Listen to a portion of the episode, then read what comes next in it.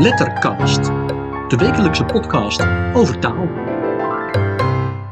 Welkom bij de Lettercast, de wekelijkse podcast over taal, aflevering K alweer. En in deze aflevering eh, behandelen we heel uiteenlopende dingen. Ik ga het straks hebben bijvoorbeeld over vertalingen. Vorige week werd bekend dat Flappy vertaald is, eh, de, de, de kersthit van Joep van het Hek. Eh, vertaald in het Engels. Ik heb daar wat bedenkingen bij. Maar toen dacht ik van ja, wat heb ik nu zelf eigenlijk aan vertalingen gemaakt? En, uh, en wie ben ik wel niet dat ik me daar een mening over kan permitteren? Nou, daar ga ik het straks over hebben. Uh, we hebben een K-gast, of eigenlijk, we zijn het archief ingedoken en we hebben iets gevonden van iemand met een K, Kees Torn. Prachtige talige bijdrage. Eigenlijk was de bedoeling om live bij hem langs te gaan. maar ja, corona, dus dat bewaren we nog maar even voor een andere keer. Maar het archief heeft genoeg moois te bieden, dus dat laten we straks horen. Uh, maar we beginnen met een bijdrage van uh, iemand die een geweldige stem heeft en het ook gaat hebben over die stem. Hoe belangrijk is een stem? Hoe bepalend is een stem? Hoe herkenbaar kan een stem zijn? En wat voor rol speelt een stem in de beleving van de taal? Hier is, goed gestemd als altijd, Wim Daniels. Beste mensen, mijn bijdrage van deze week aan de Lettercast gaat over de stem, de menselijke stem. Dat komt omdat deze week de Philip Bloemendal-prijs wordt uitgereikt. De Philip Bloemendal-prijs is een eh, tweejaarlijkse prijs die uitgereikt wordt aan radiotalent en dan in het bijzonder aan radiotalent, aan iemand op de radio die veel aandacht heeft voor efficiënt en zorgvuldig taalgebruik, waarbij ook de stem een belangrijke rol speelt. Stem is natuurlijk sowieso, als het om de radio gaat, heel erg belangrijk. Ik denk zelf ook dat ik zo geïnteresseerd ben geraakt in stemmen, want dat is zo, door de radio. Eh, de eerste 15 jaar van mijn leven eh, hadden wij thuis geen televisie. En de hoorspelen stonden bij ons vaak op de radio op, andere radioprogramma's. En ik was op een gegeven moment echt wel geïnteresseerd ook in stemmen. Het is zelfs zover gekomen dat ik later in mijn leven samen met twee vrouwen, Loes Barkema en Tini Poppen, een boek heb geschreven over mensen die bekend waren vanwege hun stem. Uh, omdat die stem zo bijzonder gevonden werd, ook door ons. En toen zijn we, als het ging om mensen die nog leefden, zijn we die mensen gaan interviewen. En dan hebben we stemportretten in dat boek opgenomen. Dat boek is denk ik wel 25 jaar geleden verschenen. Dat heet De Stem van. De eerste die we natuurlijk gingen interviewen was Philip Bloemendal, naar wie de prijs, eh, de Philip Bloemendal-prijs dus ook is vernoemd. Philip Bloemendal was de stem van het Polygoonjournaal in de bioscoop. Lange tijd is in de bioscoop een Polygoonjournaal uitgezonden. Het was een soort van eh, NOS-journaal zou je kunnen denken, met vaak wel andere onderwerpen dan in het NOS-journaal.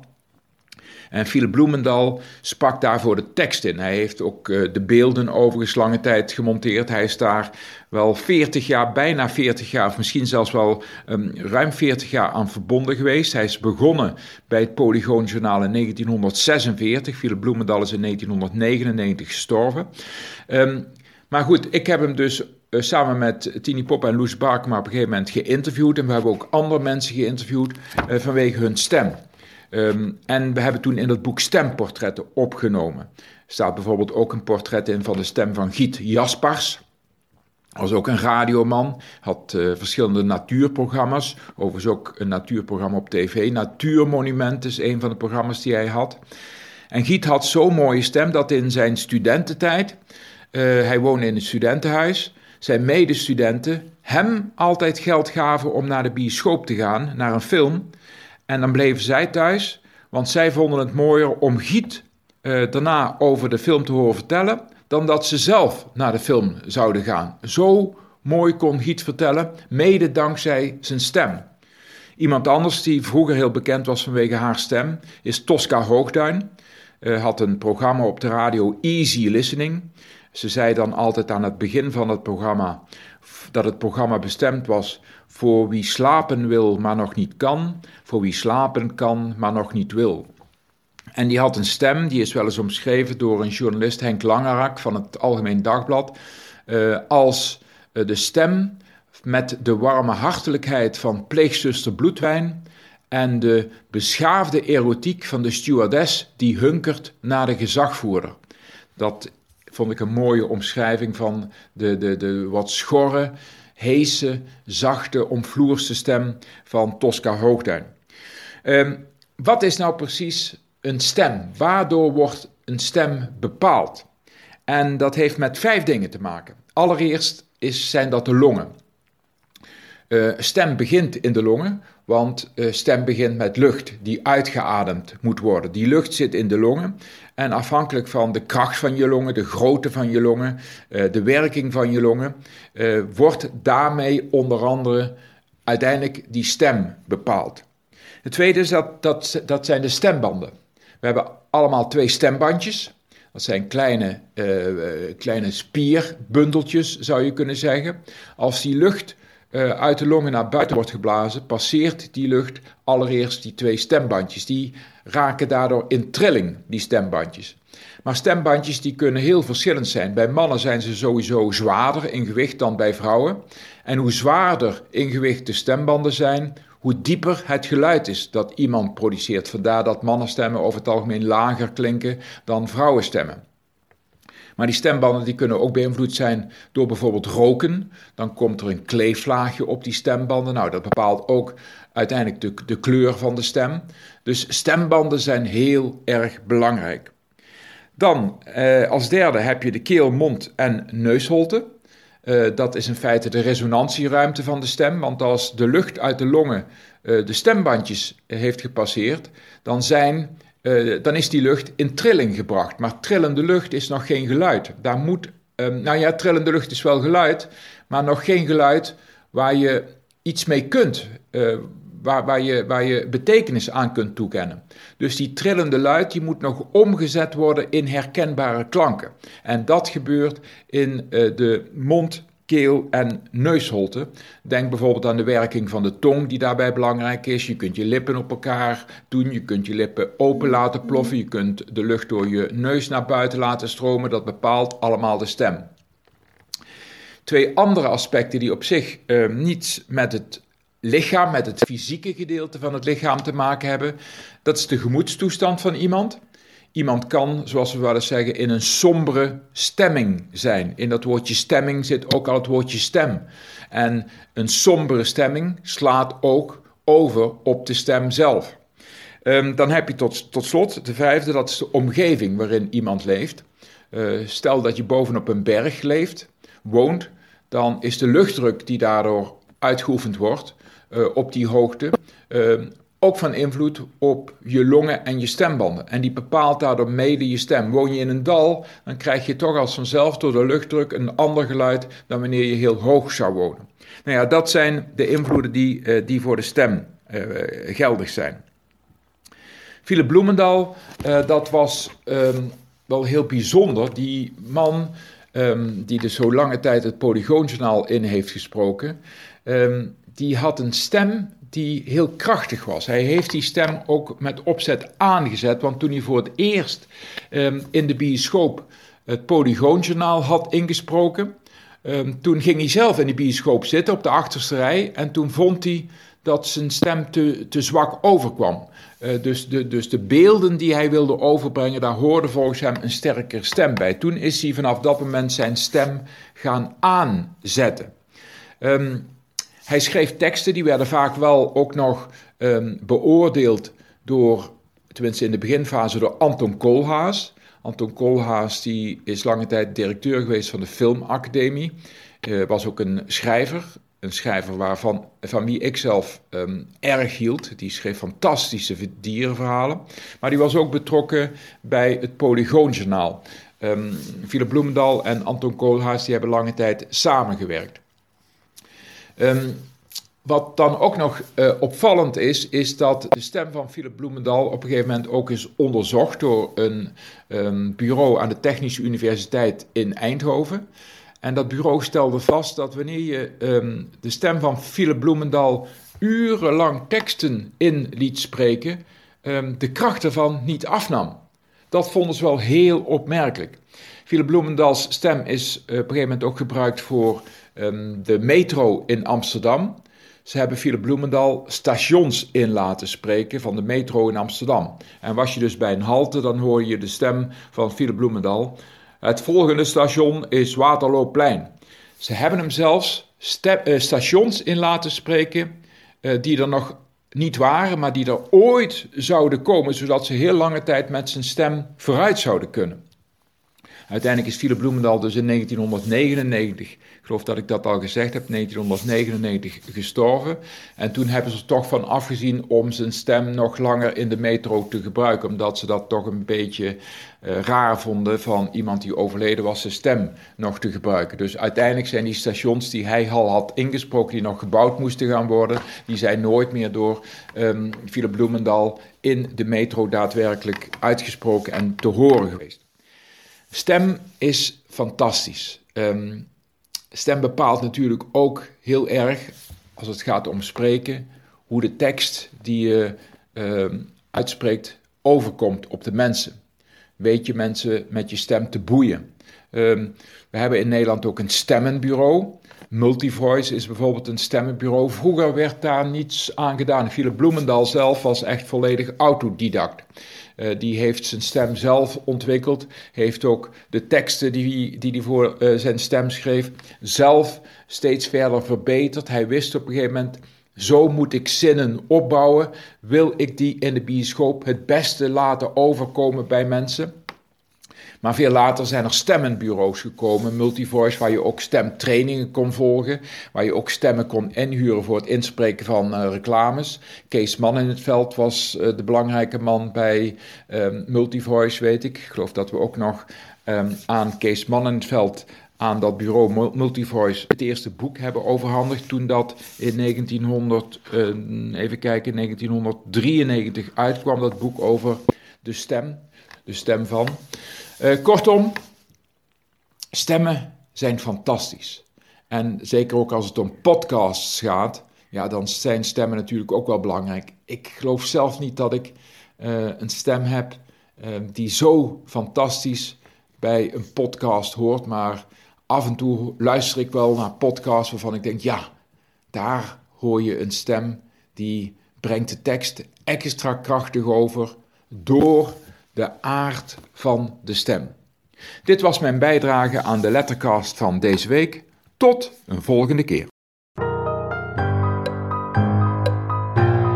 De Lettercast, de wekelijkse podcast over taal. Nou, ik zal het volgende liedje wel helemaal inslaan als een bom. Of liedje, het is, het is, wel een liedje, maar uh, er, is nog, er is geen muziek bij. Dus voor u zegt, wat een, raar liedje, zeg ik het zelf maar even. Het is gebaseerd op, op zinnen met een paar keer achter, het, uh, achter elkaar hetzelfde woord. Een bekende is eer was, was, was, was, was, is. Eer was, was, was, was. was. Nog bekender, wat kan, kan. Kan, kan, of kon.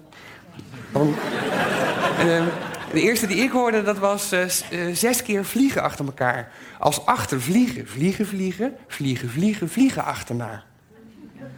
Je hebt vliegen, maar die kunnen vliegen. Dus als achter vliegen, andere vliegen, vliegen, aan het vliegen zijn... dan vliegen die achterste vliegen, die voorste vliegen achterna, snap je? Ja. Um, ja, toen, toen, toen ik hem eindelijk snapte, dacht ik, daar moet ik overheen kunnen komen. Want, uh, want ik ben een taalvirtuoos. Dat had ik in de krant gelezen. En, uh, en dat heeft dan dit, uh, dit liedje, ding, ding, opgeleverd.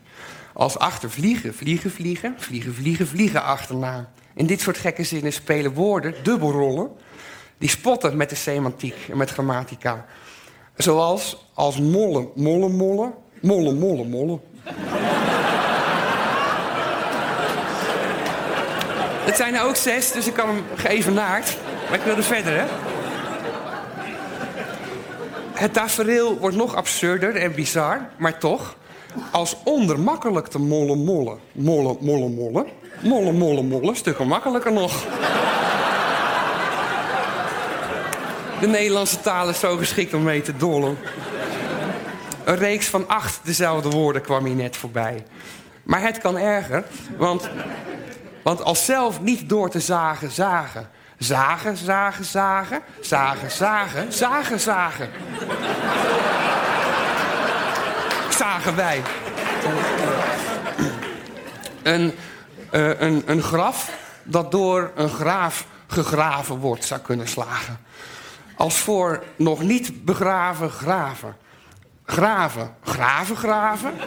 Graven, graven. Graven, graven. En die klopt perfect. Misschien begin ik zachtjes aan een beetje door te draven. Dus roep maar rustig, stop of ho als je het niet meer trekt. Artiesten moeten niet te veel van hun publieke vergen. Maar... Als er bij het dorp, waartussen haakjes, bergen, bergen, bergen, bergen, bergen, bergen, bergen, bergen, bergen, bergen, bergen, bergen, bergen, bergen, bergen, bergen. Bergen. Ik hoor geen stop of. En nou haak je af, hè. Dus, uh, je, hebt, je hebt bergen. Maar daar kun je bergen van hebben. Hopen. Hè? Het mooi Nederlands is het niet, maar grammaticaal klopt het wel. En daarachter kunnen andere bergen geborgen gaan. Dus je bergen, bergen. Ik maak van bergen even heuvels. En, en, um, en van bergen hopen. Bergen blijft dan bergen. En van het dorpje bergen maak ik even drunen. Daar zijn geen bergen, bij bergen trouwens ook niet. Het is, is geen aardrijkskunde. Het is een spelletje dit. En dan, dan krijg je als bij het dorp, waar tussen haakjes... hopen heuvels, hopen heuvelsbergen, drunen. Hopen heuvels, hopen heuvelsbergen. Bergen, hopen heuvels, hopen heuvels. Heel informatief is het niet. Maar, maar dat geldt voor die vliegen ook. Het is... Maar ik, krijg als je bergen maakt, krijg je gewoon 16 keer bergen.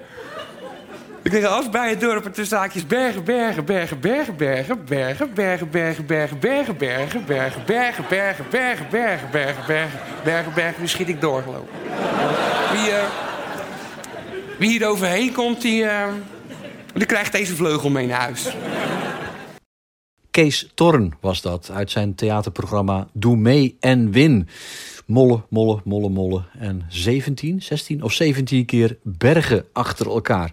Nou, ik uh, daag iedereen uit om dat maar eens te verbeteren. Ja, en dan vertalingen. Ik wil het graag hebben over vertalingen. Afgelopen week had ik het in het taalteam van Spraakmakers op Radio 1 over de vertaling van, van Flappy, eh, de kersthit van Joep van het Hek. Uh, die is vertaald in het Engels door de Amerikaan Todd Rundgren. Die heeft daar Flappy van gemaakt. Gewoon ook met een A en met IE. En dat is meteen ook illustratief voor het hele probleem met die vertaling. Het is gewoon letterlijk overgenomen in het, uh, in het Engels. Het is alsof hij het door Google Translate heen heeft gehaald en gedacht heeft van nou, nu heb ik wel een goede vertaling. Uh, nu is het ook een lied in het Engels. Maar ja, ik denk zelf bij, bij vertalingen komt veel meer kijken natuurlijk dan het één op één omzetten van woorden van de ene taal in een andere taal. Een, een, vertaling moet nooit klinken als een vertaling. Dat je denkt van ja, het, het, rammelt, maar ja, het, komt uit een andere taal, dus dat, uh, dat is logisch. Nee, dat is niet logisch. Een, elk lied, elk gedicht ook, moet op zich staan. En dat, daaraan moet je niet kunnen afhoren dat het, dat het uit een andere taal komt. En dat is best ingewikkeld. Dat is best ingewikkeld. Um, en toen dacht ik van ja, daar kan ik wel allerlei dingen van vinden, maar, maar wat heb ik nu eigenlijk zelf ooit geprobeerd aan, aan vertalingen? Nou, dat is niet zo heel veel. Ik heb vorig jaar een boek van Sherlock Holmes vertaald van het Engels naar het Nederlands. Dat was op uitnodiging van uitgeverij Zwijsen. Dus dat is niet alleen een vertaling van Engels naar Nederlands geweest, maar ook een vertaling van volwassenen naar kinderen. Nou, dat luistert weer naar heel andere uh, wetten. Uh, maar het is proza, dus dat, dat is wel te doen. Maar het is moeilijker bij liedjes, bij gedichten ook. Nou, liedjes, daar wil ik het een andere keer over hebben. Uh, ik heb ooit voor een, een Nol Havens en Freddy Lancé... die wilden samen wat vertalingen zingen van, van Engelstalige classics. En toen heb ik een aantal uh, liedjes vertaald. bijvoorbeeld Mr. Blue Sky van eh, Electric Light Orchestra. Steelers Wheel met Stuck in the Middle. Sam Cooke, Wonderful World. The Monkeys met I'm a Believer. Daar ga ik het een andere keer nog wel over hebben. Want van hoe je dan probeert om een heel eigen lied te maken en toch recht te doen aan het origineel. zoiets is het eigenlijk. Maar de eerste keer, en daar wil ik het nu over hebben, dat ik ooit iets met vertalingen te maken kreeg, was in 1997. Toen zou er een boek verschijnen met gedichten en tekeningen van Shel Silverstein. En Shel Silverstein is een, een, een songwriter of was, want hij is inmiddels overleden. Maar toen leefde hij nog. Het was een, een, een songwriter en een dichter uit Amerika. Kinderversjes maakte hij. hij. Hij is vooral bekend geworden door een aantal aansprekende liedjes. Dit is bijvoorbeeld een tekst van Shel Silverstein. Sylvia's mother says Sylvia's busy, too busy to come to the phone. Maar hij heeft er meer gemaakt. Dit, dit, is, dit zijn ook nog een paar liedjes van Shel Silverstein.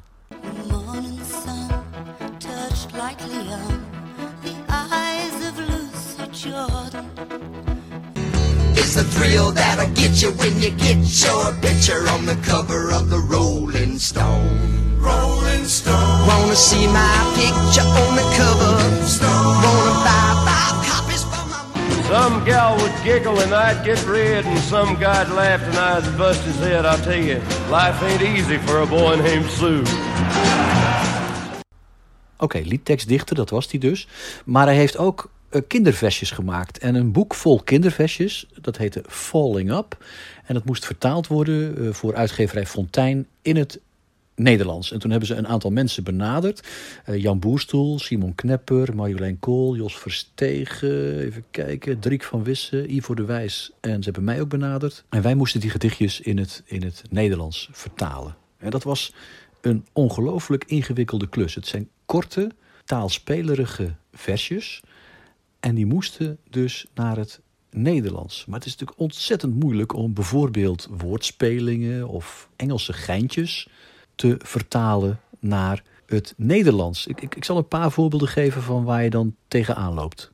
Dit was bijvoorbeeld een origineel gedicht van Shel Silverstein. Daar heb ik een opname van gevonden. Het heet The Rotten Convention.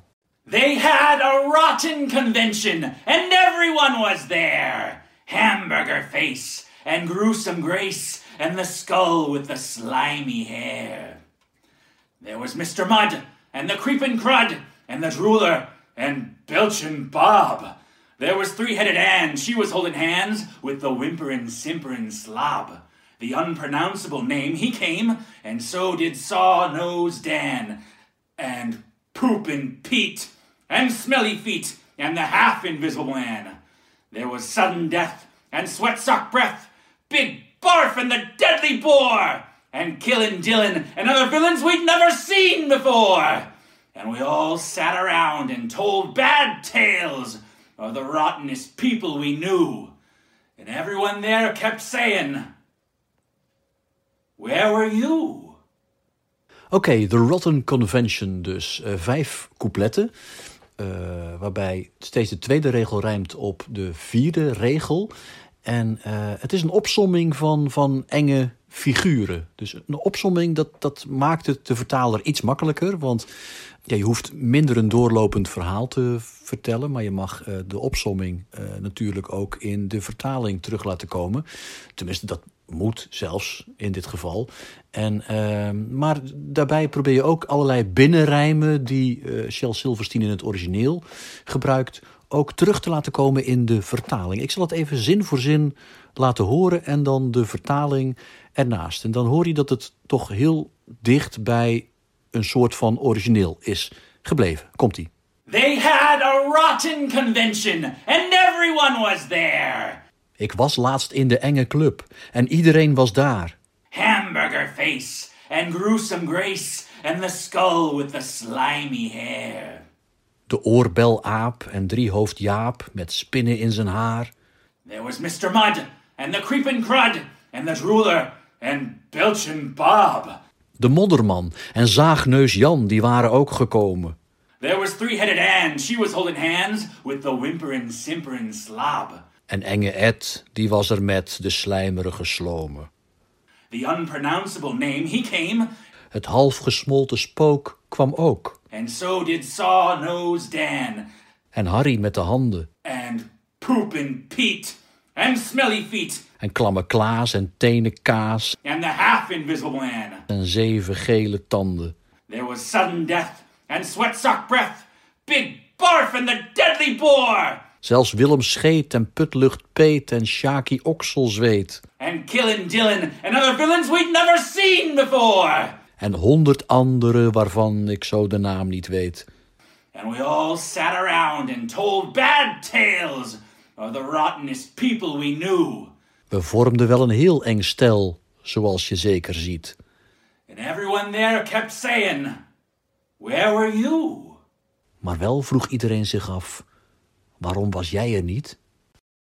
Je hoort het, hè? Een, vrij letterlijke vertaling. Letterlijk in die zin dat het ook een opsomming is van enge wezens. Maar niet letterlijk natuurlijk dat ik de Engelse woorden en de Engelse gruesome omschrijvingen heb overgenomen. Maar het vertaald heb naar eh, Nederlands. Eh, naar een slijmerige slome met wat alliteratie erbij. Enge Ed, zaagneus Jan, putlucht Peet, eh, okselzweet heb ik het over, tenenkaas. Dus het zijn net wat meer Nederlandse voorbeelden in de originele opsomming. Nou, dat is één voorbeeld. eh, de Enge Club, de Rotten Convention. Ik zal nog een voorbeeld geven.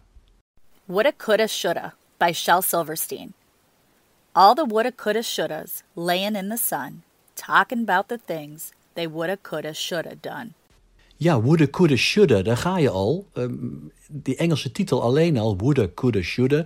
eh wouden, zouden, hadden gekund, zoiets. Dat is een Engelse uitdrukking voor, voor allerlei dingen die je uitstelt. Een soort besluiteloosheid. Dat je, ja, dat had ik gedaan willen hebben, heb ik niet gedaan. Maar eh, had ik kunnen doen, had ik moeten doen, eigenlijk. Ja, dat kennen wij niet in het Nederlands. Ja, we kennen er twee. Wouden en zouden. Dus met dat in het achterhoofd luisterde ik verder naar de rest van het gedicht. All the woulda, coulda, shouldas laying in the sun, Alle wouden zouwens lagen in het groen talking about the things they woulda, coulda, shoulda done. te praten over alles wat ze wouden zouden doen. But those woulda, coulda, shouldas Maar al die wouden zouwens all ran away and hid vluchtten bij de vleet from one little did. voor één kleine date. Ja, ook hier, eh, dicht bij het origineel. Eh, ondanks de beperkingen van het, eh, van het Engels met woulda, coulda, shouldas... en dat het toch maar gedeeltelijk te vertalen is. Maar het is te doen, dus redelijk dicht bij het origineel. They ran away and hid for one little did. Ze vluchtten bij de vleet voor één kleine date. Maar dan, Shel Silverstein maakte het ons niet gemakkelijk. Om een voorbeeld te geven, hij had ook de illustraties gemaakt bij de gedichtjes. En het was de bedoeling, of eigenlijk een eis van Shel Silverstein, dat ook de illustraties meegenomen zouden worden bij de vertaalde gedichten. En dat leverde wel wat problemen op, want ik kan me één gedicht herinneren, dat heb ik zelf overigens niet vertaald. Ik dacht dat dat Simon Knepper was, maar dat weet ik even niet zeker. Dat ging over een, eh, een, een meisje dat de straat ging oversteken. En eh, she looks to the left, she looks to the right. And she thinks it's safe to cross the street. Zo ongeveer was de Engelse versie. Maar in de tekening zie je een brandkast naar beneden komen. Een safe. She thinks it's safe to cross the street. Ja, dat zal wel, maar straks krijgt ze mooi een brandkast op de kop. Dus met die brandkast, daar kun je niks mee in het Nederlands. Dus die brandkast moet je dan in dat geval maar ja, laten zitten. En, en ja, dat als een soort extra grap zien voorbij het gedicht. Maar niet als een illustratie van de grap. Het, het, krijgt een net iets andere lading. Ook een probleem, dat even als laatste voorbeeld. Of een probleem, eigenlijk, eigenlijk dat, zeg ik verkeerd. Dat zijn geen problemen. Ik heb dit vooral gezien als, als, het klinkt heel cliché, maar als uitdagingen. Als iets waar je, als een soort puzzel waar je je tanden flink in kunt zetten, zeg maar. Dus het was één gedicht. En eh, dat moet ik even opzoeken. Dat heette The Gnome, The Net and The New. I saw an old gnome take a knock at a gnat who was nibbling the nose of his new. I said, nasty gnome, now stop doing that. That gnat ain't done nothing to you. En dat zijn woorden die uh, je in het Engels met een G schrijft, maar die G spreek je niet uit. De gnome, de noom, de, de, de gnat, de nat, dat is een soort vlieg. En de nu, dat is een gnu, G-N-U, de nieuw. Maar die G spreek je niet uit. En wat Shel Silverstein deed, is dat hij alle woorden met een N, dus ook bijvoorbeeld nose of nibbling of nasty, overal schrijft hij een G voor. En ja, dat, dat is niet te vertalen. Daarmee kun je dus niks in het Nederlands. Tenzij je dus de vertaling laat zitten en puur uitgaat van het woord spelerige. En dat heb ik toen gedaan. De vertaling van de noom, de net en de nu is deze geworden. De gnoom en de gnoe. Er zat dus een gnoom op de rug van een gnoe te gniffelen en wat te gnuiven. Ik vroeg aan de gnoom op de rug van de gnoe waarom hij zo stil zat te fuiven. Toen grijnsde de gnoom op de rug van de gnoe en zijn stem kreeg opeens iets verhevens. Ik ben genetisch een gnoom, ik heb genoeg aan mijn gnoe en ik geniet van de gneugten des levens.